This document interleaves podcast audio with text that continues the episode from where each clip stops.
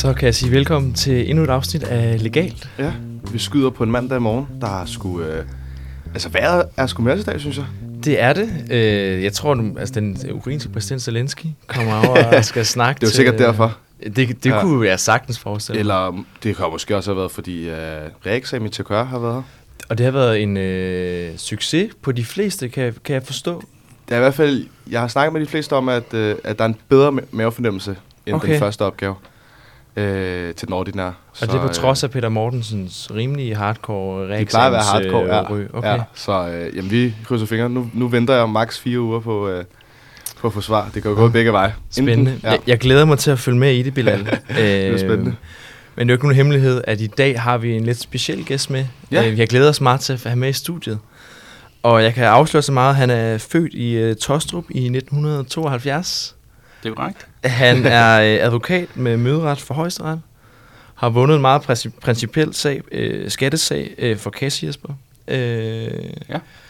Og så efter 31 retsdage, der modtager Inger Støjberg sin dom i øh, rigsretten. Og her, allerede her kan de fleste nok godt regne ud, at vores gæst i dag er øh, selveste anklager i rigsretssagen, øh, Jon Lauritsen. Og, og du er selvfølgelig også partner i DLA. Velkommen til. Mange tak. Jeg er nu ikke helt sikker på, at der er så mange, der øh, på det her tidspunkt vidste, øh, hvad mit navn var, men øh, det er jeg da glad for, at du siger. Okay. Jeg er også glad for at høre, at Peter Mortensen øh, stadigvæk øh, er på studiet. Ham kan jeg godt huske. Ja, Han, han, Nå, skrev, han var der også fra din side af. han skrev en rigtig god bog. Okay. Ja, jamen han også, altså, han, han, vi, da vi snakkede om ham øh, på fjerde semester, der var det meget, hans lærebøger var øh, virkelig velskrevet. Ja. Øh, og så havde han lidt ry Hans for opgaver. at være øh, lidt sadistisk, når, der kom til, Ja. ja. når det kom til øh, opgaver. Okay, jeg, jeg var kun udsat for bogen. Den var rigtig god. Der var noter ude i, øh, eller Ja. noter ude i marken. Ja, Ja, så Det smart. var, det var det aller, aller, den allerførste lærebog, som i hvert fald jeg havde, der havde det. Ja. okay. Og det, så var den jo til at læse. Ja. Ja, men jamen, jamen, jamen, vi har også skrevet om creds for hans bøger, og så Ja. mindre creds for hans, øh, for hans opgaver.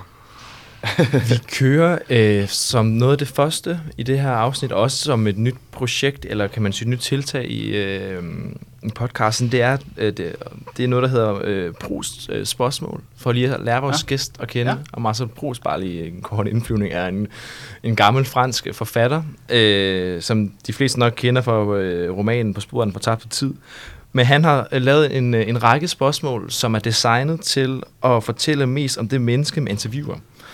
Og det er en række sådan lidt småkuriøse øh, spørgsmål. Okay. Øh, og vi kan godt starte med, vi kan kun nå et enkelt, og du, det starter vi lige med. Ja. Er du klar på det? Øh, Ja, ja. Det Øh, kan jo hvilket, blive klippet ud, jo. ja, det kan altid klippe med. øh, hvilket øh, levende person beundrer du mest? Åh, levende person, jeg beundrer mest. Ja. Ej, det må være min kone. Okay. Oh. Ja, det, Det er et godt svar. Det er og godt tænkt. Det er og godt tænkt. Det, og det er rigtig ærgerligt, fordi uh, sandsynligheden for, at hun hører den her podcast, den er jo meget, meget lille, så det må jeg lige få downloadet. Og så. ja, og lige ja. Ja. klippe det Du sammen. må lige, du må lige få, du, det, lige derhjemme, lige sætte den på ja. en Ja. eller anden højtaler, og lige sådan, og hov, jeg har lige sagt, at du er den mest Ja. ja. beundrede person. Men det er måske også så cheesy et svar, så det bliver klippet ud. Det må, det må vi se. Ja, okay, jamen det, det, jeg glæder, jeg, det glæder kan, mig vi, til at kan, høre. vi, kan vi spørge, hvorfor? Jamen, øh, jamen, hun er jo sød og rar og meget, meget øh, øh, tålmodig, vil jeg sige. Um, vi har et godt, øh, vi har sådan et godt markedskab, og hun er utrolig, øh, kan man sige, rummelig. Også i forhold til, til nogle af de ting, jeg laver. Og Mm, godt, godt menneske. fedt. Er hun også selv øh, jurist uddannet? Nej, hun er børnehaveklasselærer, Nå, okay. så Okay. hun er- styr på børnene. Ja. Nå, Bilal. Jamen, øh, vi vil gerne starte med at høre om din, øh, om din studietid, dit studieliv. Hvordan, øh, hvordan var din studietid, eller lige til at starte med, hvorfor, hvorfor jura? Var der andet i tankerne, eller var det, var det bare skåret, skorstenen? Altså, jeg vil sige, det var, det var nok mere et, øh, et fravalg af alt det andet. Øh, Jeg vidste ikke helt præcis, hvad jeg ville, da jeg var færdig med at, at læse øh, HF. Øhm, Og øh, jeg havde øh, udmærket øh, karakterer, så jeg kunne sådan, jeg tror, jeg kunne læse det meste på nær, øh, var det jordmor eller sådan noget. Så, mm. så, så jeg, og det var sådan set lidt en ulempe, fordi så kunne du lige pludselig vælge det hele. Men jeg vidste ikke rigtig, hvad jeg ville, og så synes jeg, at jurastudiet var øh, sådan et bredt studie. Altså, man kunne gå advokatvejen, og det vidste jeg ikke på det tidspunkt, jeg gerne ville. Og så kan du gå diplomatiet eller i, i en myndighed, ikke? Ja. Staten. Og, så, så jeg synes, der var det, var, det var det studie, hvor jeg synes, der var, sådan, var, var bredest. Nu når jeg ikke på det tidspunkt helt vidste, hvad jeg ville. Men var der, var der andet i tankerne i den beslutning? Altså var der noget, der lige var ved at snige sin vej op, i stedet for jura, eller, eller Nej, nej, det var det faktisk ikke. Øh, altså, der var ikke sådan en runner-up, øh, og jeg tror heller ikke, øh, jeg tror heller ikke, jeg havde nogen anden prioritet. Øh, jeg ved ikke, om man skulle have det, men Ja. jeg havde i hvert fald ikke reelt nogen anden prioritet. Så da jeg havde besluttet mig, så, så var det det, jeg gerne ville. Er du, er du øh, en af de personer, der har sådan en gammel, stolt øh, familietradition med at være advokater og jurister? Nej, Eller- jeg, er, jeg tror, jeg er familiens øh, sorte får. Jeg er, den, jeg er den første akademiker. Okay. Okay. Øh, begge mine forældre var pædagoger, og min bedstefar, han var, han var murer, og Okay. øh, min mormor og morfar, de var selvstændige. Så, så nej, jeg tror jeg faktisk, jeg er den første akademiker i Så der, der har familien. simpelthen ikke været nogen påvirkning, hvad, hvad det angår fra de forældre øh, og families side. Der, der har det Nej. simpelthen været... Øh, Nej, nej overhovedet ikke. Ikke, ikke andet end, at øh, de jo selvfølgelig støttede mig, og Ja. Øh, min mor, hun havde en, øh, en øh, ven, øh, øh, eller hendes venindes mand, var advokat. Så der, da jeg gik og tænkte lidt over, hvad jeg gerne ville, så var jeg lige op og besøge ham i Holbæk, tror jeg det var. Øh, og lige se, hvad det var for noget. Jeg var strafretsadvokat, kan jeg huske, så jeg sad og kiggede i sådan en, en sag med billeder af nogen, der var blevet slået ihjel og sådan noget, så det var, Okay. så tænkte jeg, det er måske ikke lige strafretsadvokat, jeg Nej. skulle være, men, uh, men det var meget spændende. ja. Hvad, øh, hvad husker du som noget af det hårdeste, da du, da du selv gik på, gik på jurastudiet? Øh, jeg kan huske, de der tredje års prøver, de var i hvert fald barske, ikke? Øh, Ja. Men ellers så det, jeg nok bedst kan huske, det er jo det der, øh, og det jeg var mest glad for, da jeg var færdig nu, mm. er, det er jo studerende, der er målgruppen for det her, det var, at jeg jo aldrig rigtig synes, jeg havde fri. Øh, Ja. Og øh, et, et lille newsflash til alle dem, der lytter, der er studerende. I kommer aldrig til at have så meget fritid, som I har nu. øh, men det er ikke sådan, man føler det. Mm. Øh, og øh, at det der med altid at være bagud med et eller andet, og man mangler altid en opgave, man ang- mangler altid lige at læse øh, 100 sider, fordi man øh, lige sprang over og så videre. Ikke? Øh, øh, det var måske nok det, jeg synes, der var det hårdeste. Ja, det leder mig videre til sådan, hvordan, hvordan var du på studiet? Var du, øh, var du stræberen, der hele tiden skulle øh, gå efter topkarakteren, eller var du lidt mere den, den lidt mere stille og rolige en, og som lige nåede en bytur torsdag, fredag og lørdag måske også? Altså, jeg var ikke, jeg var ikke stræberen, Nej. øh, men jeg var heller ikke, øh, altså, jeg var heller ikke useriøs. Nej. Øh, altså, jeg sådan kom til timerne og, og forsøgte at lave mine ting.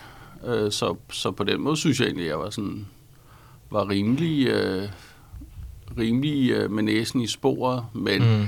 altså, øh, jeg havde også et liv, ikke? Ja. Øh, der, der var nogen, der var, var både dygtigere og mere flittige, end jeg var, men, men jeg, jeg lavede mine ting, og øh, forsøgte at komme til timerne. Øh, ja. Den, den balance mellem, som vi ofte snakker om, Ja. ja. mellem studieliv, øh, eksamener øh, og det der med at have et, et liv, som ikke øh, er paragrafer Mm. ved siden af Ja. ja. studiet. Hvordan husker du den? Altså, var, var, det, var det noget, der var ret svært at ophold, eller opretholde, eller hvordan? Nej, det, sy- det synes jeg egentlig ikke. Altså, øh, altså, jeg kan godt huske alle de der formiddage, hvor, hvor man øh, jo har tidlig fri, ikke? Mm. Var kl. 12 eller sådan noget, Ja. ikke? Og så, så i stedet for at cykle hjem og, og læse videre, så var det jo tit, hvis så sad vi jo og hang ud på en café et eller andet sted og, og hyggede os dem forholdet. Øh, det synes jeg var super fedt. Øh, og øh, altså, jeg, jeg synes, der var, der, der var meget at læse. Altså, det synes jeg også, jeg kan huske. Jeg kan huske den allerførste dag, vi havde rigtig undervisning, der kom læreren ind og sagde, ja, I er 100 sider bagud, øh, fordi I har jo ikke fået øh, læseplanen på forhånd. Og der havde vi, altså, skulle ned i bogladen bagefter og købe bøger, ikke? Så, og det tror jeg, de sagde øh, alle tre. Så, så jeg gik hjem der den første dag, og tænkte, hold da kæft, mand, jeg, jeg er 300 sider bagud, ikke? Og, og der er 200 sider til i morgen, ikke? Så jeg tænkte, det, det, det bliver et uh, tungt læsestudie, og det var det også. Hvad, kan du fortælle os lidt om din vej til, øh, til advokat og partner i øh, DLA? Altså, hvad, hvad var dit første studiejob? Jamen, øh, jeg havde ikke noget studiejob. Okay. Øh, jeg, jeg var selvstændig, mens jeg, jeg læste. Øh, min øh, stefar, han havde et øh, metalsliberi Ja. ja. nede i Karlslunden, som ikke gik sådan helt så godt, øh, to say the least. Øh, så det øh, købte jeg, og det, så reetablerede vi det i et, øh, et ny, nystiftet selskab. Og så hjalp jeg ligesom med at drive det, og han var ligesom den, der kunne finde ud af håndværket, men øh, så var jeg den, der kunne finde ud af at regne priser ud og snakke med kunder og sådan noget. Så, så det, det var faktisk det, jeg brugte øh, som studiejob. Okay. Hvor, hvor gammel var du, da du øh, besluttede dig at købe et metalsliberi øh, og blive direktør for det? Jamen, det har vel været på var jeg første eller andet år. Okay. Og, og det har simpelthen suppleret øh, indtægten øh, i løbet af... Ja, altså i, i starten, der tjente vi jo tæt på ingenting. Ja. Øh, men men det, det endte med at blive en meget god forretning. Altså, sådan, det kunne jeg godt leve af. Øh, jeg Okay. tror, vi var, da vi var flest, var vi vel øh, 35-40 stykker eller sådan noget. Du- som du simpelthen var i spidsen øh, for? Ja. Altså, altså sammen med min stefar, ikke? Okay. Nå, og, og, hvornår, er, er det noget, som du så stopper med, når du så bliver kanjur? Eller? Ja, da jeg blev færdig på studiet, der, der havde jeg jo ikke rigtig tid til det længere. Og der havde vi fået en, øh, en god førstemand ind, en der hed Robert. Øh, og han, han overtog så mere eller mindre firmaet efter det. Okay. Nå, Og hvordan er det, hvordan, hvad, hvad, hvad sker der så derfra? Så får du så et job hos... Ja, jeg startede hos, øh, hos dem, der hed Zenit Advokater. Ja. Det var første gang, jeg... Nej, det var anden gang, jeg var på et advokatkontor, da jeg mødte op der på min første arbejdsdag. For jeg havde været inde og købe det der selskab der par år før, Ja. hos, hos nogle andre advokater. Men jeg kan ikke huske, hvad de hed. øhm, ja, så, så gik jeg bare i gang, og det var, det var med, med fuld drøn på, og der arbejdede vi rigtig meget. Øh, det har jeg sådan set altid gjort. Men, øh, men jeg havde den øh, ret hurtigt, så lavede jeg ligesom den regel for mig selv, at jeg helst ikke ville arbejde i weekenden. Lidt tilbage til det der med at, at aldrig have fri. Øh, Mm. til gengæld så arbejdede jeg sådan rigtig meget på, på ugedagene. Og det har jeg Mm. sådan set holdt fast i øh, lige siden. Der skal meget til, før jeg arbejder i weekenden. Til Ja. gengæld så kommer jeg sådan rimelig sent hjem på hverdag. Øh, nu, også lige for lige hurtigt at, at, at spørge ind til i forhold til med det der metalsliberi. Var du, var, du, øh, var du hæmmet af, at du ikke har haft øh, studierelevante jobs øh, i løbet af uddannelsen? Ja, det, lidt tror jeg nok, jeg Ja. var, fordi at, at jeg havde jo, altså alle de ting, man lærer, når man, når man har et studiejob øh, på et advokatkontor, der Mm. mm. lærer man jo, hvordan, hvordan fungerer et advokatkontor, hvordan er arbejdsgangene, og hvordan er tonen, og, og man laver også øh, nogle ting, som er sagsrelevante. Så, så på, på den måde, så, øh, så, så var det hele jo nyt for mig. Altså bare det at skrive et følgebrev, øh, det er husker det første, jeg skrev, jeg tror, det tog mig en halv time eller sådan noget. Ikke? Altså, Okay. og, og det var jeg sikkert på tre linjer. Øhm, men det er også godt nok at tænke sig lidt om, det sker der ikke så meget ved. Øhm, til gengæld så har jeg jo prøvet nogle andre ting, så, så jeg tror ikke øh, som sådan, at det var en, en ulempe, men altså, nu er der ikke nogen af mine børn, der, der lige pt. i hvert fald har lyst til at være advokater, men så vil jeg sige til dem, at det er en god ja. idé at få et, et relevant studiejob. Men det er vigtigere at få, have et job, mens man læser, som man synes er interessant. Så hvis man, øh, hvis man ikke synes, at, øh, at advokatfirma øh, er interessant, og man meget hellere vil stå nede i en øh, pladebutik, eller arbejde i et ministerium, eller et eller andet, så vil jeg sige, øh, gør det, som du synes, der er interessant og Mm. Ja, så bruge det som et, et, et, et middel til at afgrænse, hvad man synes er spændende inden for juren. Ja, og det kan også godt være, øh, efter man har stået i en pladebutik i, ah, nu er der jo slet ikke pladebutikker mere, men man har stået ind, en, øh, i, i en eller anden butik og, og tænker, ah, at det jeg er rigtig smart, hvis jeg står og sælger tøj. Så opdager man, hvor drømkedeligt det er, og så åbner der sig en ny verden, når man sådan går i gang med at arbejde for alvor. Og undskyld til alle dem, der arbejder i butik. Øh, det var ikke for at være nedladende, men, Ja. men, men jeg tror, hvis, hvis man læser jura, så vil jeg, kunne jeg forestille mig, at man ville synes, det var rigtig kedeligt at stå i butik. Ja. Ja. Men hvis det er en eller anden drøm, man har haft, så prøv det af, mens du, øh, mens du læser jura. Øh, det er jo helt gratis. Fedt. Og hvornår ender du så hos øh, DLA? Jamen, jamen da jeg var, da jeg var øh, tredje års fuldmægtig, der startede jeg jo så mit eget firma øh, sammen med Michael Brandt, øh, Brandt og Lauritsen. Øh, så jeg tror, øh, jeg tror, vi var lidt i tvivl om dengang, om man overhovedet måtte eje øh, advokat aktieselskaber, når man var fuldmægtig. Øh, så, så jeg tror, at min, min anparter lå, øh, eller aktier lå lidt i skuffen det første års tid, indtil jeg blev advokat. Øh, og så havde vi Brandt og Lauritsen sammen i 17,5 år.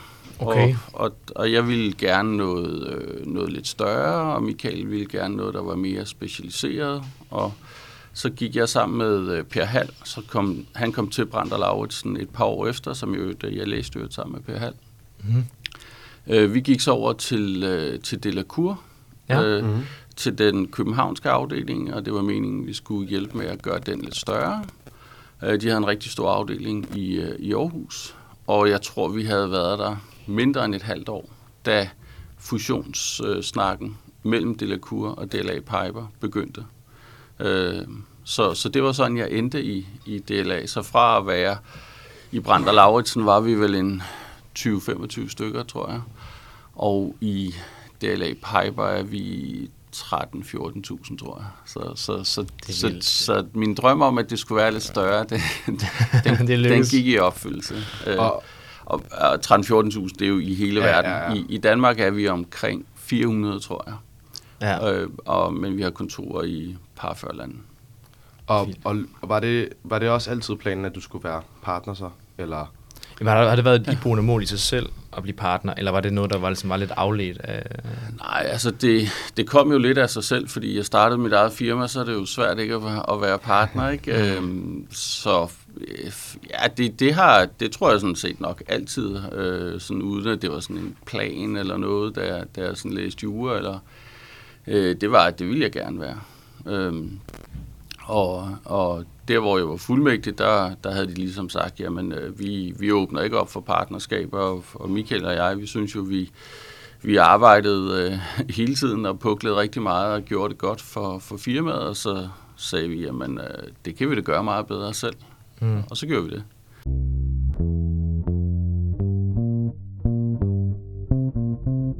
Øhm, ja, og så videre til, øh, til, den, til den helt store øh, rigsretssag. Lige for øh, til, til, til lytterne, som ikke øh, rigtig ved det, øh, måske har sovet øh, under en sten øh, de sidste par år. Ja. Øhm, det er jo således, at øh, den 10. februar øh, 2016, der øh, udsender øh, den daværende udlændingeminister Inger Støjberg en pressemeddelelse med en instruks til Udlændingsstyrelsen om, at alle asylpar, hvor den ene er under 18, skal adskilles. Og i samme år, øh, marts måned, der er der et ægtepar, der klager til ombudsmanden øh, om den afgørelse. Det er et ægtepar, hvor kvinden er 17 og manden er 26. Øh, og Folketingets ombudsmand, de vælger så at gå ind i sagen og vælger så øh, efter øh, deres undersøgelse at komme med en konklusion, der hedder, at den instruks er ulovlig. Øhm, og så er der så et interview med politikken i, øh, i 17, hvor at Støjberg hun erkender, at hun øh, selv fjernede øh, et hvert forbehold i embedsmændenes udkast i øh, pressemeddelelsen. Øhm, og hun afviste, at der ikke var nogen grund til at tro, at det var ulovligt. Øhm, og så besluttede de så øh, to og et halvt år øh, efter i regeringen og regeringens støttepartier at øh, gå sammen om at øh, grænse. De går sammen i en kommission øh, og øh, skal så grænse forløbet op til, at øh, der er tale om en ulovlig instruks. Øh, og så bliver den så i starten af 2020, der bliver så nedsat en kommission, altså Instrukskommissionen. Øh, og det er jo så her, det hele det her forløb, der starter, fordi så i starten af øh, 21, der er der et politisk flertal, der stemmer for at indlede en rigsretssag mod Inger Støjberg. Og det ender så med, at den første, øh, eller hovedforhandlingen i rigsretssagen sker så den 2. september 21. Til at starte med, Jon, hvordan, øh, hvordan bliver du valgt som anklager? Altså, er der, er der noget, du har lavet før, der var afgørende for, at Folketinget tænkte, det skal være, det skal være dig? Ja, det ved jeg jo faktisk ikke. Det var Folketinget, der valgte, men, men øh, jeg, jeg har jo lavet en del øh, kommissionsarbejde, altså været med i mange undersøgelseskommissioner. Øh, det startede øh, helt tilbage i den undersøgelseskommission, som bliver kaldt øh, Skattesagen. Det var den med Helle thorning Schmidt mm. og især hendes mand øh, Kinnock. Øh, der var jeg bisider øh, for øh, en af embedsfolkene i Skat, hende, der havde personalansvaret for dem, der, der, der traf beslutningen eller, øh, om, om Kinox øh, skatteforhold. Og øh, da jeg ligesom havde været med i den, øh, så, så kom jeg også med i den næste og den næste. Øh, det er lidt, lidt ligesom, når man har prøvet det før, så er det lidt lettere at komme med næste gang. Og øh, siden da, der var jeg, jeg har, tror faktisk, jeg har været med i alle de undersøgelseskommissioner, der har været øh, blevet nedsat siden den. Øh, bortset fra Instrukskommissionen. For der havde jeg Tibet-kommissionen to kørende, og også øh, Skattesagskommissionen, eller undersøgelseskommissionen om skat. Og jeg tænkte, det var måske øh, lige i overkanten også at gå efter Instrukskommissionen, øh, og det gjorde jeg så ikke. Og det var jo meget heldigt, fordi så, så var jeg jo ikke inhabil. Så man kan ja. sige, det, det, det bevidste fravalg af, at du ikke var med i Instrukskommissionen, har ligesom gjort, at du så endte med og det var, det var et taktisk valg, eller? Nej, overhovedet det var, det var fuldstændig tilfældigt. Ja. Og jeg tror heller ikke, at der var nogen, der sådan tænkte rigsretssager på det tidspunkt. Ja. Men øh, det var jo øh, advokatrådet, som, som indstillede to advokater, øh, og øh, jeg blev så spurgt om, om jeg var interesseret i at, at, at få mit navn i hatten, og øh, det var jeg jo meget glad at bære over, så jeg selvfølgelig var jeg det. Øh, og ja, jeg gætter, men jeg, jeg tror, mit, mit kommissionsarbejde har formentlig haft betydning for, hvorfor øh, jeg var en af de to, der blev indstillet, og sikkert også derfor, at jeg blev valgt. Mm. Nu er det jo klart, at, ja, at, at du sagde ja, og, og jeg læste også en øh, artikel, hvor at der stod, at det tog dig under to sekunder for at sige ja. ja. Men er der noget, er der, er der noget, hvad var det afgørende for, at du sagde ja? Altså, fordi nu, nu siger du også selv, at du havde ja. så meget du havde, du havde alligevel meget på bordet, og jeg kunne forestille mig, at sådan her sag ikke, ikke, ikke lige, det er ikke lige det mindste arbejde. Så, så hvorfor, hvorfor valgte du også at sige ja? Ah, Jamen, sådan noget her kan man ikke sige nej til. det, det, det, altså, øh, og hvis, hvis du får den her mulighed, og det vil jeg, vil jeg gætte på lige meget, øh, hvem man er, eller hvor sløv man er, eller, øh, så, så siger man ja til det. Altså, det, det er jo... Der er jo meget få rigsretssager i Danmark. Øh, tror, vores var den 6. Ikke? Og, og før da var der gået 20 år med den med, med Nina Hansen. Ikke? Og, og den før, det var i 1908. Og de, og de tre første, de havde sådan set, de, de handlede rigtig meget om noget andet end jura. Så, så, så når der kommer sådan en mulighed, så, så tror jeg ikke, der er, der er mange, der vil, der vil sige nej tak til det. Øhm, og der, der var sådan lidt sjov ting, for, for da de ringede og spurgte ned fra, fra Folketinget, det var Folketinget, der de bad også om at lave en vurdering først. Det var sådan set det, det startede med. Og, og der sagde jeg jo ja med det samme. Ikke? Det, var, det var til Folketinget, at advokatrådet havde peget på to advokater. Og øh, der, lige efter jeg sagde, jamen det vil jeg rigtig gerne. Og jeg tror, det var den, det var den 19. eller sådan noget december. Det var i hvert fald lige før jul øh, der, der sagde de så, der er lige, der er lige den ting, at øh, jeres rapport skal være færdig den 4. januar. Så, okay. det lyder som noget af en deadline. Så, så, så der blev, blev jul og nytår aflyst. Og så fra det tidspunkt, øh, da, vi, da vi fik op, der lavede jeg altså slet ikke andet, som i slet ikke andet, øh, hele den jul og, og hele det nytår der. Okay. Altså, jeg, jeg kom jo hjem juleaften klokken 5, ikke? Øh, ja. Og, og nytårsaften tror jeg jo hjemme klokken 6-7 stykker. Og, så, øh, og vi havde selvfølgelig gæster begge dage. Men, øh, ja. Og jeg, jeg plejer at lave øh, maden juleaften og nytårsaften, men, øh, men lige, øh, lige de år der, eller det år, der, der var andre, der, var... der måtte tage over. Okay. Nå, spændende. Jeg, jeg læste faktisk også i øh, artiklen, at du ikke havde forventet at blive valgt.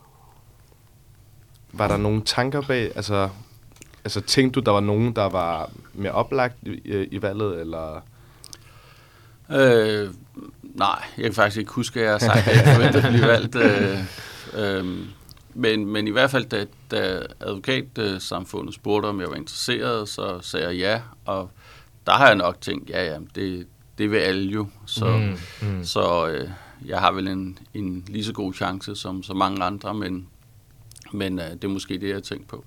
Og så havde jeg jo nok også den fordel, at, at, øh, at de advokater, som havde været involveret i Instrukskommissionen, de kunne jo ikke rigtig ja. være, være uvildige nok. Så, så der var, det var nok mit held, at der var nogen, der blev siddet fra der.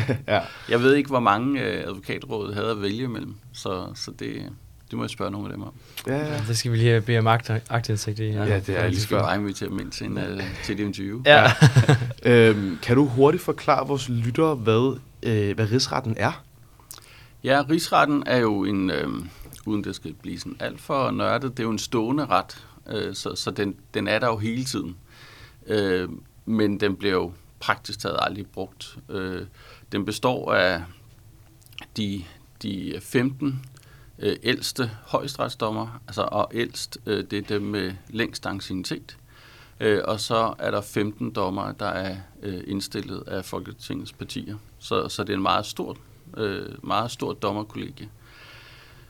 Øh, og øh, den eneste opgave, en rigsret har, øh, det er at tage stilling til øh, ministres øh, forhold. Øh, for i undersøgelseskommissionsloven, øh, der står jo direkte, at undersøgelseskommissioner må ikke tage stilling til ministres forhold. Så hvis de, øh, hvis de ligesom finder, at der er noget, der er kritisk, så kan de ikke drage nogle konklusioner af det. Det skal så være op til en, til en rigsret. Og det specielle ved en rigsret, det er også, at det er Folketinget, som er anklagemyndigheden. Det, det er dem, der skriver anklageskriftet. Så, så det anklageskrift, vi havde, det var jo Folketinget, der, der vedtog det. Og det er jo sådan en meget specielt klient at have. ja.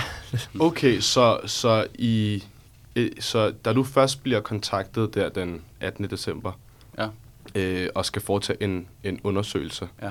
der er det med, altså hvordan, der, der er det uden den, den helt store konklusion andet end at I mener, at Ja, der, kan stilles for der, der var rigsretten slet ikke, altså det lyder helt åndssvagt, der, altså der var en rigsretssag jo slet ikke i vores tanker. okay, Mm. Øh, altså i forhold til at vores egen deltagelse i det. Der er opgaven lød på, at vi skulle gennemgå den her undersøgelseskommissionsrapport fra Instrukskommissionen, som i øvrigt er ekstremt velskrevet.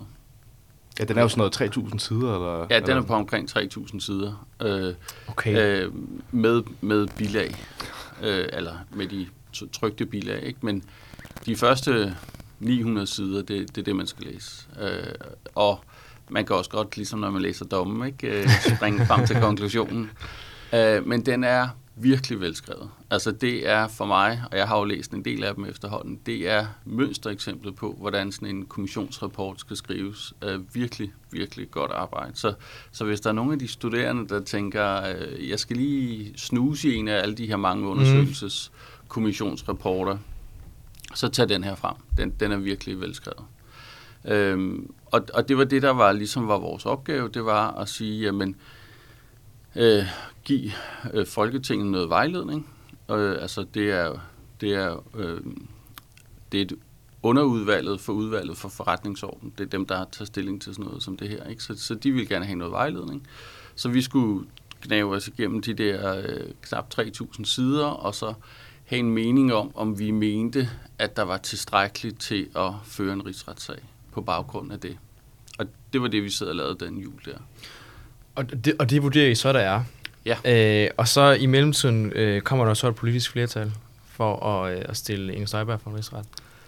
Ja, altså, øh, vi kommer med vores rapport der i starten af, af januar, og så øh, var vi, vi var nede og, og give vores, øh, vores mundtlige fremlæggelse til, til udvalget, og Inger Støjberg og hendes øh, bisidder havde også mulighed for med kommentarer, og så blev vi sådan set sendt hjem, og så, så går vi hjem og tænker, jamen, jamen det var jo det, agtigt. Mm. Øh, der havde jo været nogle forlydende om, at om vi ville være inhabile eller upartiske og alt muligt andet, øh, eller partiske retter, øh, fordi vi, vi ville komme frem til en bestemt konklusion, fordi at øh, i den rigsretssag, der var med Nina Hansen, der var det, der var det øh, dem, der rådgav Folketinget, som også endte med at blive anklager.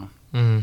Og det kan jeg sige, og det lyder måske naivt, men det var altså overhovedet ikke vores tanker. Og jeg vil sige, der er jo ikke nogen, der har lyst til at øh, anbefale, at man tager en rigsretssag øh, og, og så tabe den. Eller øh, hvis alle øh, andre kollegaer og øh, universitetsprofessorer og så videre, de, de siger, at det var helt åndssvagt det der. Det var helt åbenlyst, at det skulle ikke blive til noget. Så, Mm. så det, var jo, det var jo kun fordi, at vi mente, at der var et grundlag. Øh, og der var ikke nogen, der øh, på det her tidspunkt, øh, hverken før eller senere sådan set, havde fat i os og sagde, nu skal I høre, øh, nu, øh, hvis, hvis I kommer frem til det her, øh, så, så er det nok jer, der bliver anklager. Øh, vi, vidste, vi anede jo ikke, at udvalget havde tænkt på, at vi skulle være anklager. Det, det opdagede vi jo sådan set først, at de nede for Folketinget ringede sådan, hvad har det været, midt i, midt i januar måske,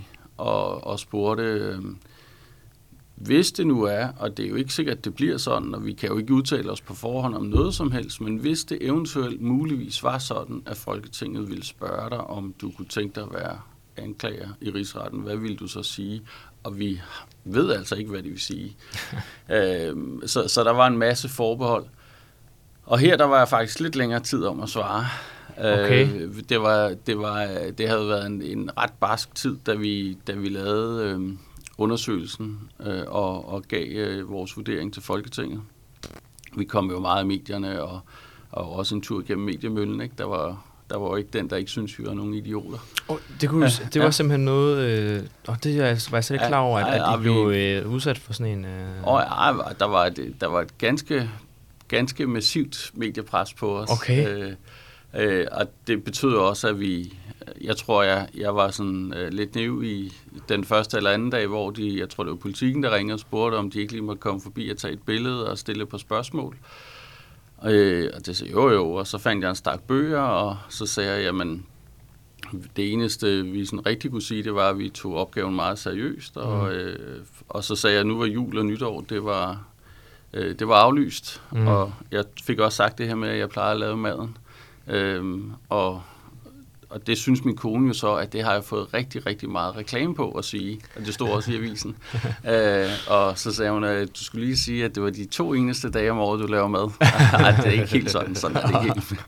Men, øhm, men lige så snart, at det kom frem, at det var Anne Gitte Gammeljord og, og, og mig, der skulle lave opgaven, ja.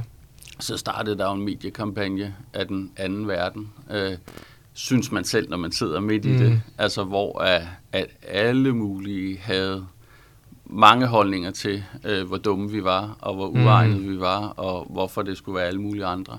Mm. Og det var, øh, det var super ubehageligt. Ja. Altså, øh, som advokat er vi jo vant til at måske være lidt barske i, i filten og sådan noget, men det er, jo, det er jo altid, det handler altid om klienten. Det er meget, meget sjældent, det handler om advokaten. Mm. Og, og her der blev det jo øh, super personligt, Mm. øh, og det var ubehageligt.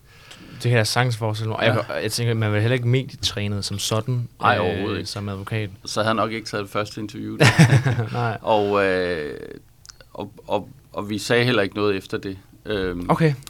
Øh, og det blev vi jo et ved med øh, nærmest ikke at udtale os, øh, efter vi var blevet anklager. Vi sagde meget, meget lidt. Mm. Men, men grunden til, at jeg lige øh, skulle tænke over det, det var sådan set mere hensynet til øh, mine medpartnere i DLA Piper. Ja. Øh, fordi jeg kunne godt regne ud, altså det ene, det var jo der før jul, øh, ved at ofre min jul og nytår. Øh, det ville jeg gerne.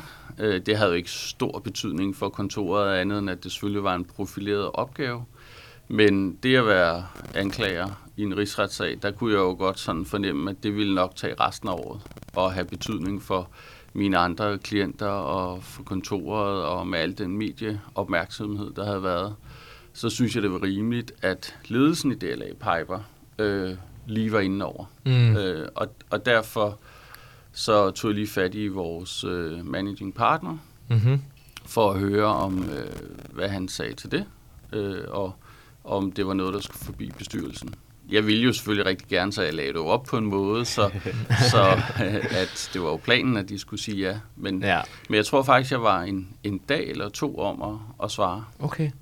Øh, Jeg ville gerne, men, men jeg, jeg synes, altså som, som partner i, øh, i, i en partnerdrevet virksomhed, så kan man jo ikke kun tænke på sig selv. Og Nej. det kunne jo godt være, at øh, jeg vidste jo ikke, hvad de andre partnere eller bestyrelsen eller ledelsen måtte mene om det, men det kunne jo godt være, at der var nogen, der sagde, jamen det, det er vi ikke interesseret i at, at få så meget opmærksomhed. Og det, der var fuld opbakning. Så, så, Og så der var ikke, der var ikke nej, dissens, så at sige. Nej, øh, overhovedet ikke. Tværtimod, altså alle synes, det var super fedt. Ja. Og, og, og meget støtte, øh, både fra mine kollegaer, og ledelse og stab og det hele. Så, så der var slet ikke nogen problemer.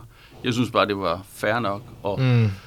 At lige øh, og, og tage det forbi ledelsen. Ja, og, og have noget rygdækning på den måde.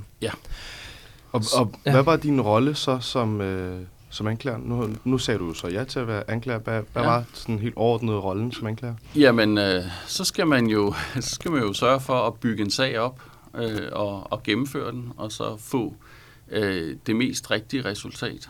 Altså som, som anklager har man jo har man jo ikke til opgave sådan set at vinde sagen, øh, selvom øh, det er det jo nok sådan i praksis, men, men, men og vi var sådan set meget øh, bevidste om, øh, Anne Birgitte og jeg, at, at hvis der kom noget frem under sagen, der gjorde, at vi nu ikke længere synes, at der var en sag, øh, så vidste vi jo godt, at så, var det, så er det jo ens opgave som anklager at så øh, bede retten om at frifinde. Øh, så, så, så det var jo sådan set at, at få det, det, det mest korrekte resultat, hvilket vi jo så også fik. Ikke? Men, Mm. men, men det var jo selvfølgelig med lidt svedige håndflader, for nu havde vi jo baseret vores vurdering på, øh, på, på kommissionsrapporten. Øh, den smider man så over højre skulder, og så var vi nede og hente bilagene, der var 13-14.000 sider. Okay. Og vi spurgte sådan set, øh, har I virkelig ikke mere end det? Og så sagde de, jo, vi har omkring 2 millioner øh, sider, men øh, det her, det, det er dem, vi har, har fundet, var de mest relevante. I kan godt få adgang til de andre, men, øh, men, Okay. men at de havde jo været et helt sekretariat, der havde arbejdet, jeg tror, de var en 14-15 mennesker eller sådan noget, der havde arbejdet på det her et helt år. Ja. Så, så, øh, så vi, øh, vi øh, bad om at få deres, øh, de søgekriterier, de har brugt på alle de her mange millioner sider. Øh, og, og de synes vi, de, de, det så meget fornuftigt ud, så, så vi bad ikke om, om noget andet fra kommissionen. Vi havde så lidt, vi spurgte nogle myndigheder om nogle ekstra ting, men, øh, men ellers så endte vi jo med at, at basere øh, sagen på mere eller mindre på de bilag, som kommissionen havde. Øh, og, og så var det jo meget, altså, meget spændende og, og et gigantisk arbejde at få bygget sagen op på ny, fordi at, at vi havde jo i vores vurdering havde vi sagt, jamen vi lægger jo øh, de bevisvurderinger til grund, der, som kommissionen har lavet og sådan noget, og det var jo så vores opgave nu at føre bevis for, at det var sådan. Så, Mm. så det var jo at, at, at komme i gang med at få læst og systematiseret og finde hoved og hale i, i alting. Og så når øh, på et eller andet tidspunkt blev vi færdige med det, og så begynder der nogle retsmøder, ja. Retsdage at starte i Ægved øh, Parkhus. Ja. Øh, vil du ikke lige prøve at tage os med ind i det maskinrum? Det, for ja. det er jo meget atypisk sag jo, ikke? Altså, hvordan har det været, og, og sådan, når, når selve sagen begynder at rulle, og jeg kunne også godt forestille mig, at mediedækningen den blussede op igen. Ja. Hvordan har det været? Øh, Jamen, øh, det var jo, altså det var helt vildt. Øh, ja. Og det er sådan once in a lifetime oplevelse, i hvert fald som advokat. Jeg, vil- der er jo selvfølgelig politikere og andre, som, som har sådan noget meget ofte, men, men det var det var helt vildt. Øh, Mm. Og altså, øh, der i foråret der fra, fra februar måned og frem, hvor Folketinget øh, udpegede os som anklager, så gik vi jo i gang, men der, der var jo også andre sager øh, mm. på, på, på bordet.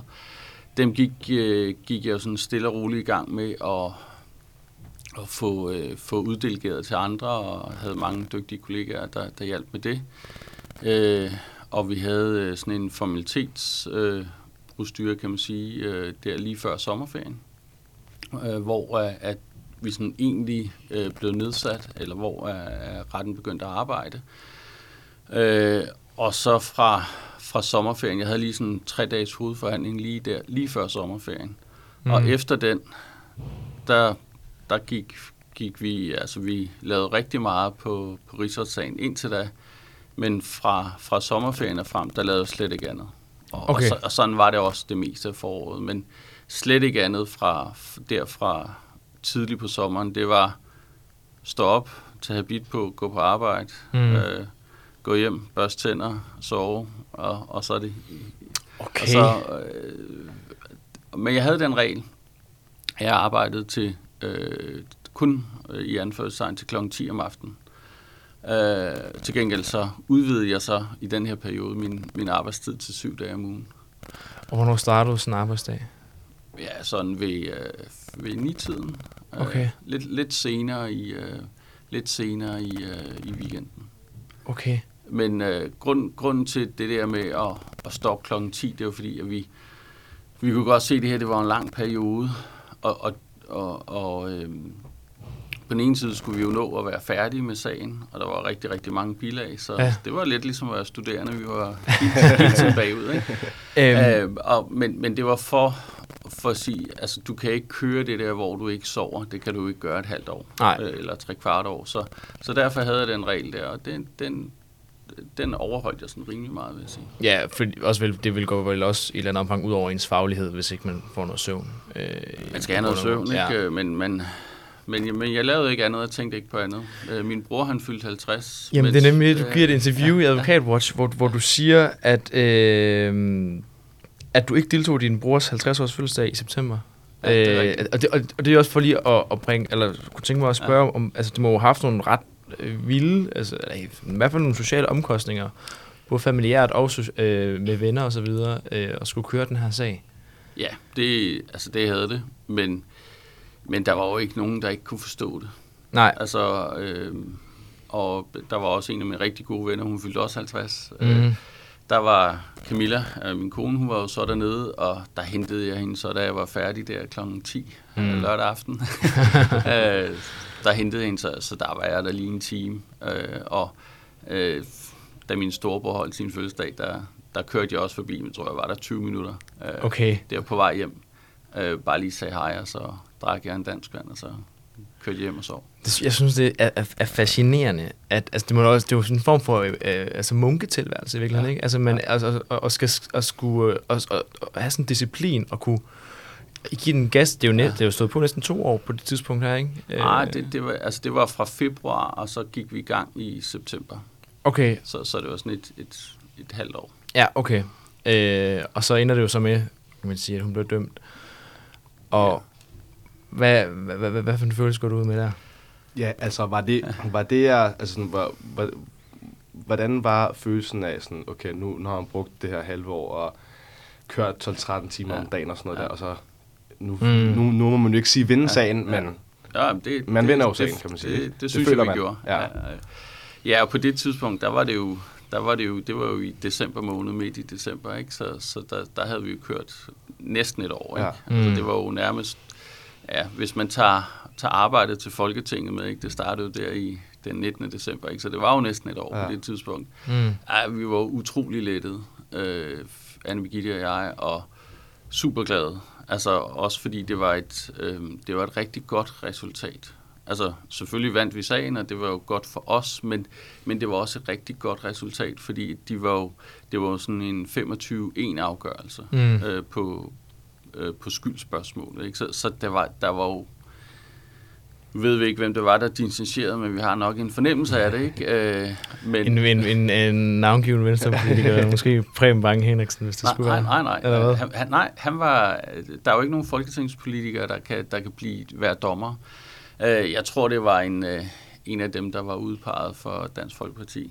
Okay, Men jeg ved det ikke. Altså, det, Nej. det ved vi om 75 år. Der bliver, øh, der, der åbner vi bogen. der, der bliver retsprotokollen åbnet, men, men Det må glæder ikke det var det. Han, han har været ude at sige, at det var en, øh, en kalkunjagt, og der var en grund til at have en rigsretssag, så Mm. jeg, jeg ved ikke, hvem det var. Men, men det er også sådan set ligegyldigt, men, men at, at få en så klar afgørelse på skyldspørgsmålet, altså 25-1, ikke? Der var, altså, vi vandt alle dommerne over på nær en enkelt. Øh, det var super godt øh, for, for rigsrettens institution og for dommerens, eller dommens øh, validitet, øh, fordi der, der ville ikke, øh, altså det kunne jo være sådan en, en, en 14-12 afgørelse, så kunne øh, alle de meget, meget kloge professorer og alle andre, der havde en mening om den her sag, de kunne stadigvæk have diskuteret om, jamen var det så de politiske dommer, eller var det de juridiske dommer, og, og så videre. Ikke? Her, der, der var det jo alle på nær en, der, mm. der mente, at, at, hun var skyldig. Øh, så, så det var, på den måde var det, det var vi rigtig, rigtig glade for.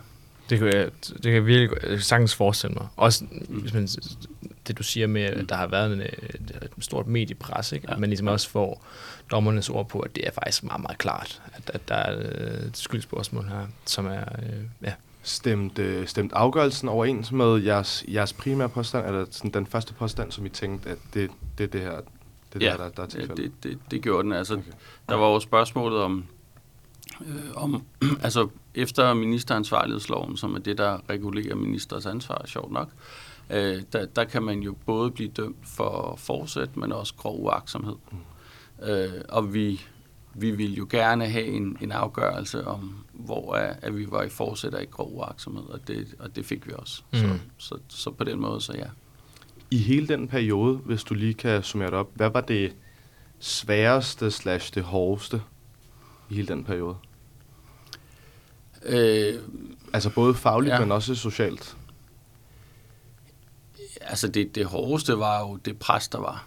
Altså mm. fordi det var, det var jo en sag, som, som altså det var jo som at sidde under et mikroskop i, i nærmest et år.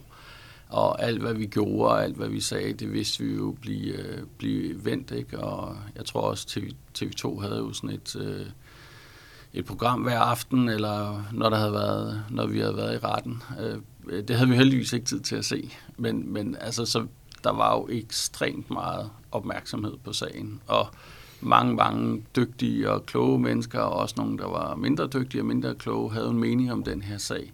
Så vi vidste jo, at et hvert lille fejltrin ville jo blive blæst op. Mm. Øh, Ja, går man lidt Ja. med sådan en følelse af sådan, uha, hvad nu hvis vi har gjort, eller hvad nu hvis vi har fucket op her, eller sådan, altså, Ja, præcis. Altså, det er jo det der med, øh, hvad kommer, hvad kommer forsvaret med? Mm. Har de en eller anden hvid kanin i hatten? Øh, Har vi dækket alle baserne? Er vi, er vi klar? Og, og der er jo kun én ting at gøre, det er at gå, altså, sætte sig ned øh, på sin stol, ikke? Og, og det er jo det heldige ved jurastudiet, det er, at øh, det er jo ikke ligesom fysik og kemi og sådan noget, hvor der er noget, man bare ikke forstår. Mm. Altså, der, der, er bare, der er nogle af de der mennesker der, de er jo så kloge, så man, man kan slet ikke forstå spørgsmålet, ikke? Og, og, og de skal svare på det.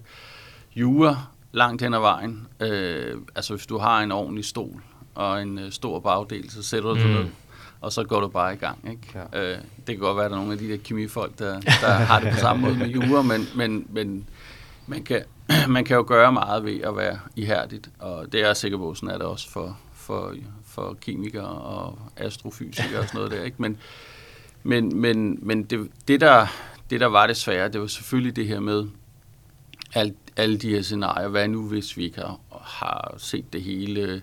Øh, har vi været dybt nok? Kan vi huske det hele? Ikke? Og så med, en, med et så stort øh, sagsmateriale, ikke? Øh, der var jo 13 13.500 øh, sider spildersmateriale, og rigtig meget at holde styr på, ikke? Og mange vidner og mange retsdage og sådan noget, ikke? Så, så det var, altså det var sådan lidt, hvor man asfalterer, mens man kører på vejen. Mm. Øh, men, men der var ikke noget, hvor vi sådan... Altså, der var ikke noget, der var sådan specielt svært. Øh, altså, juridisk set. Altså, det var det der med at sige, jamen, for, har, vi, har vi styr nok på, på, på sagen? Øh, får vi fremlagt faktum på en måde, så retten forstår det og, og følger, følger vores øh, anklageskrift og så videre, ikke? Men, men så så var det måske det pres, presset og så tiden. Altså, at, at vi var hele tiden under tidspres. Ja, Mm. det, det kunne jeg forestille mig, når man skulle læse så mange... Altså, altså det tager mig øh, en time bare for at læse 10, 10 sider sådan... Øh, Ja, så skulle du læse jeg, jeg, jeg, jeg, jeg, kunne bare forestille mig, hvor lang tid at det, Ja. det tog at læse. Ja, altså, altså det, er jo, det er jo slet ikke nok at læse det. Du Nej. skal, jo, du skal læse det, og så Og- skal, du og sætte, det. så skal du sætte det i sammenhæng, og så Ja. skal du Mm. have, have det præsenteret. Ikke? Altså, det, vi havde, jeg tror, vi havde sat tre retsdage til at, at forelægge sagen. Så Det er også det, vildt. det, det, tog, altså det brugte vi rigtig, rigtig lang tid på at sige, jamen, hvad, hvad er det, der er vigtigt? Ikke? Fordi uh, at vi ryger ned i alle de der kaninhuller, når man sidder og forbereder sig på alle mulige og umulige ting, og så sige, jamen, nu skal vi have det kondenseret og have det præsenteret, så, så dommerne er med og, og forstår det. Lige, et, øh, lige, lige inden vi øh, kommer videre til, til lytterspørgsmålet, Ja. så øh, overhørte vi lige øh, en fra her fra øh, Karnov øh, ja. kontor, som sagde, at det, det kostede 650.000 kroner for at printe Ja, det er alt rigtigt. sagsmaterialet. Det, Hvordan fanden er det gået op til 650? Det lyder så mange penge. Jamen, øh, altså, der, der var jo 13.500 sider, og øh, der var 30, 26 dommer, ikke? og så var der, øh, så var der to øh, forsvar, og, og så skulle... Så jeg tror, vi lavede 35 styks øh, af de der øh, ekstrakter. Og så, så tror jeg, at- jeg tror, jeg fandt ud af et eller andet sted, jamen, det koster nok en krone og 25 øre eller sådan noget, Mm. og, og printe en side, og så var det det, vi anmodede om. Nej, hvor Så- der så været det- mange store flyttekasser, så, så, så, det var bare, det var sådan set bare et, et helt almindeligt regnestykke. Ja. Jeg tror, altså vi trykte den jo inde hos os. Øh, jeg tror i vores øh, IS'er, altså vores interne service der, jeg tror de købte en hel øh, palle papir, og så kørte, kørte alle kopimaskiner i hele huset i, altså i, i, i ugen op til vi skulle lave ekstrakterne færdige til, til dommerne. Puh, Så, så der var jeg ikke så populær, fordi alle dem, der ikke kunne komme til kopimaskinen, det var min skyld, og de gik jo i stå alle på alle etager, og Ja, så, ja. ja. fordi de kørte så meget. Uh, Så, så det, var, det var bare ren matematik. Jeg, var, jeg vil sige, jeg var også lidt overrasket, da jeg, da jeg sådan sad og regnede sammen på det, men det var antal sider, og så jeg kan ikke lige huske, om det var en krone eller halvanden eller noget af den stil. Det lyder fandme mange penge for noget, øh, for noget printarbejde Ja. i hvert fald. Jeg, jeg har lige et sidste spørgsmål, inden vi går videre til lytterspørgsmålet, og det er fordi, at, som vi, det har vi jo snakket om nu, ikke? men du siger også til Advokatwatch, og det- som du også har sagt her, at hvis ikke jeg har arbejdet, på den her sag, så har du sovet. Det har været så ja. Ja. tidskrævende.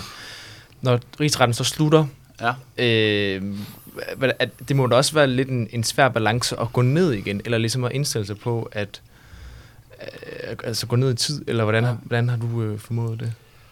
Jamen altså, det var, det var jo sådan en lidt en, en underlig fornemmelse selvfølgelig. Det er jo lidt ligesom, når man er, jeg tror sådan, hvis man skal sammenligne det, når man sådan går ud fra tredje års prøve, eller nogle af de der Mm. øh, store prøver på studiet, så har man jo sådan lidt sommerferie, og så er det jo sådan, de næste par dage, så er det hele jo lidt mærkeligt, fordi nu har man jo en masse tid, ikke? Mm.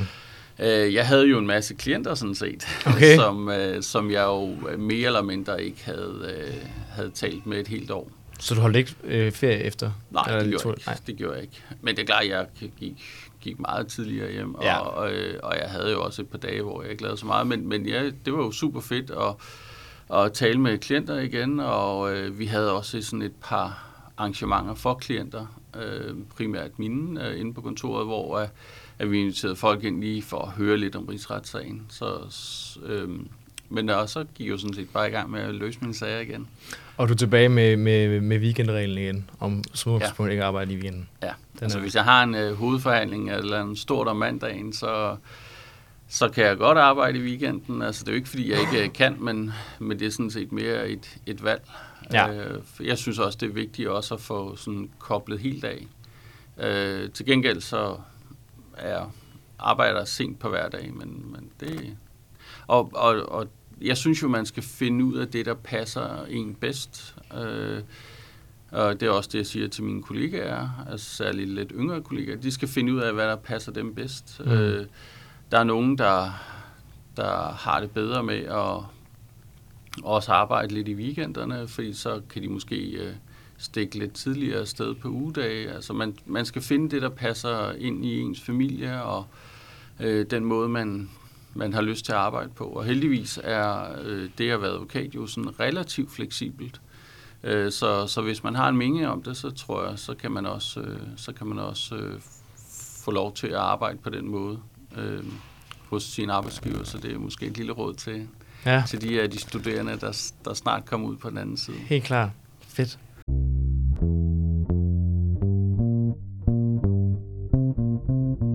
Vi har jo været så heldige, øh, Bilal, at vi har fået endnu et øh, lytterspørgsmål. Og den her gang kommer det faktisk fra en lytter, som øh, først starter på studiet øh, nu her Ja. øh, i september. Ja. Og øh, nu læser jeg bare op. Ja.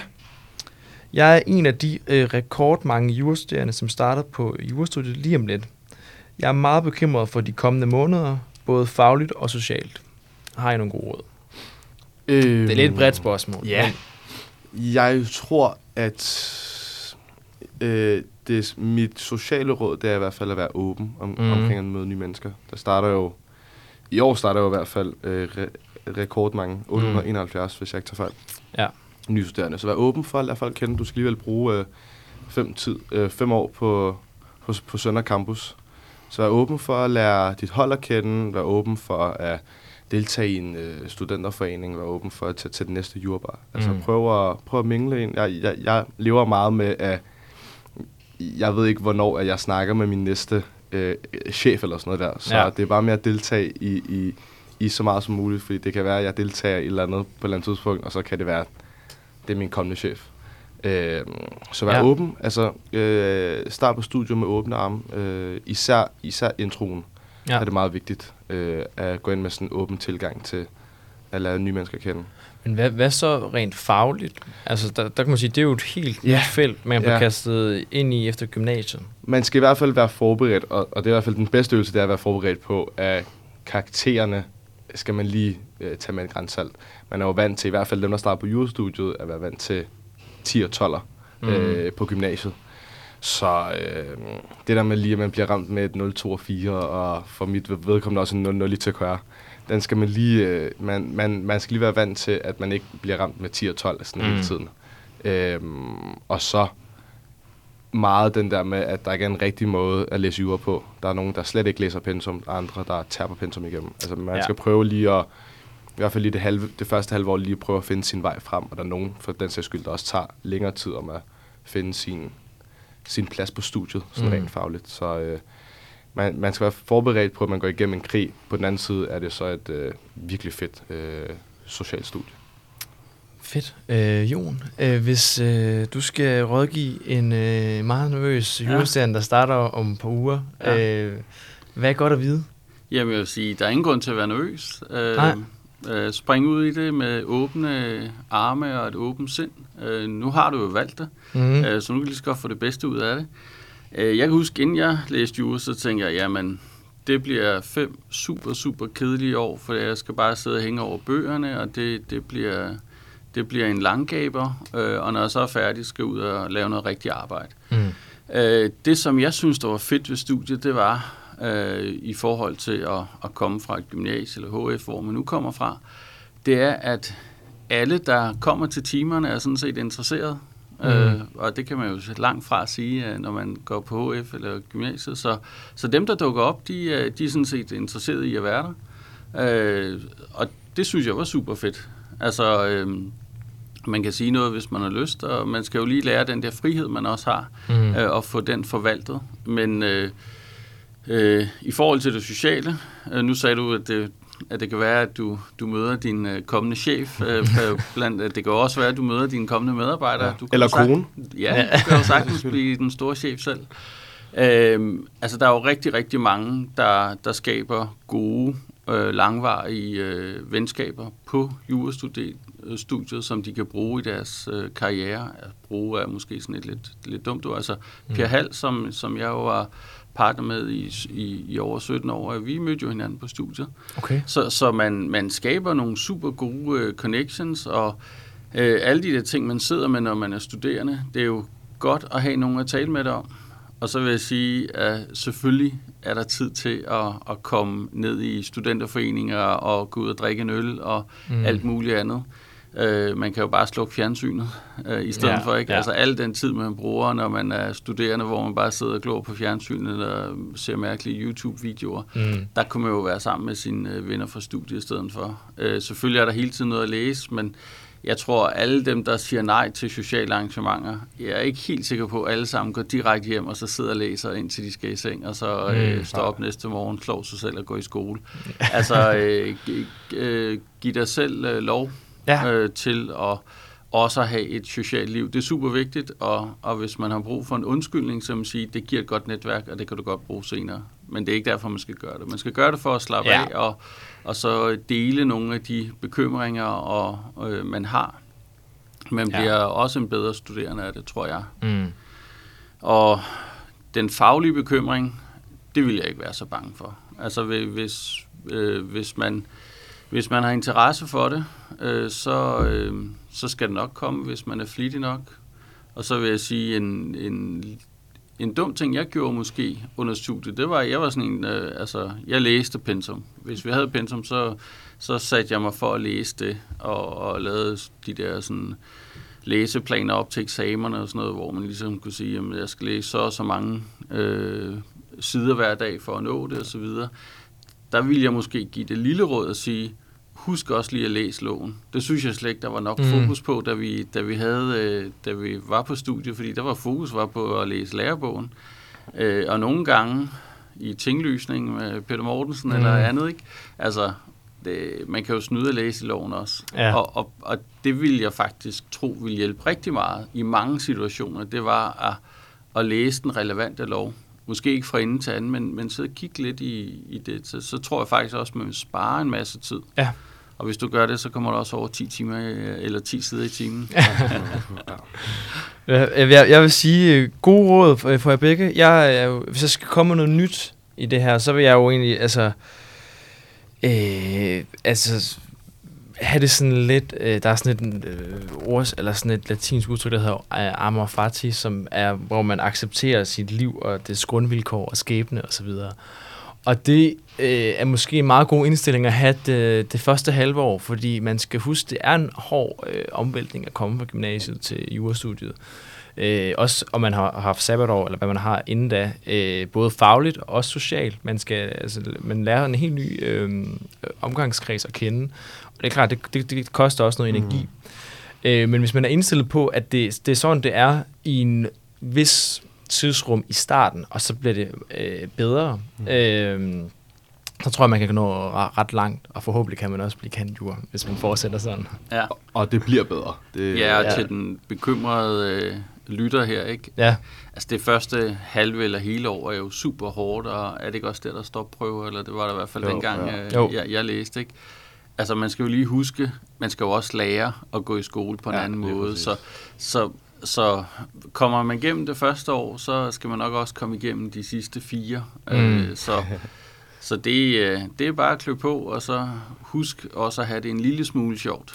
øh, altså det der, man skal ikke, jeg tror dem, der skærer alt det sociale fra, øh, jeg tror faktisk, de har en større risiko for ikke at komme igennem, fordi så bliver det bare surt med surt på. mm, mm. Og jeg tror også, at de ender med at blive øh, dårligere jurister, fordi de sidder i deres eget ekokammer. Mm. Mm. Altså, øh, når vi, når vi, øh, vi bruger jo meget tid inde på kontoret øh, til at spare med hinanden. Altså, hvis jeg har en eller anden sag, så, hvor jeg synes, der er noget, der er sådan, øh, ikke er helt oplagt, eller nogle argumenter, som jeg synes er vanskelige, eller sådan svære lige at få, få knækket, så går jeg jo typisk ind til en af mine kollegaer, og så spiller vi lidt bold. Øh, og, og det gør jo, at man får testet sine argumenter af, og så bliver de bedre. Og det er jo fuldstændig det samme, øh, man skal gøre på jurastudiet, det er at sige, jamen, øh, og så tror jeg også, man skal ture og sige, at det her, det forstår jeg slet ikke. Mm. Øh, gør, gør I det? Mm. Øhm, og der er, nogle, altså, der er nogle af fagene, der selvfølgelig er, er meget sværere, men, men andre er jo også... Øh, altså, jeg tror nogle gange, så overtænker man det lidt som jurastuderende, Mm. og, og siger, jamen, det... Det skal være svært på en eller anden måde. Nogle gange, så er det også bare, mm. øh, så er det også bare svaret. Øh, men øh, sådan er det jo. Og det er en træning. Ja, fedt. Jon, du skal have øh, tak for at være med i, øh, med i studiet i dag. Ja, tak fordi er glade måtte komme. Jeg, Selvfølgelig. jeg, jeg, jeg vil lige hurtigt lige sige, at jeg, jeg snakkede med, med min mor, mor her forleden om, at, om, at vi skulle have øh, dig med ind, og så sagde jeg, hvilken rolle du havde i, hvad hedder det, mm, i, i hvad hedder det, sagen mod, øh, mod, mod Stokker. Og så var han bare sådan, ja, okay, han er sgu en os. Han er sgu en os. Ham kan jeg godt lide. Ja. Nå, jamen, det Så, er jeg glad for, at du må øh, endelig hilse.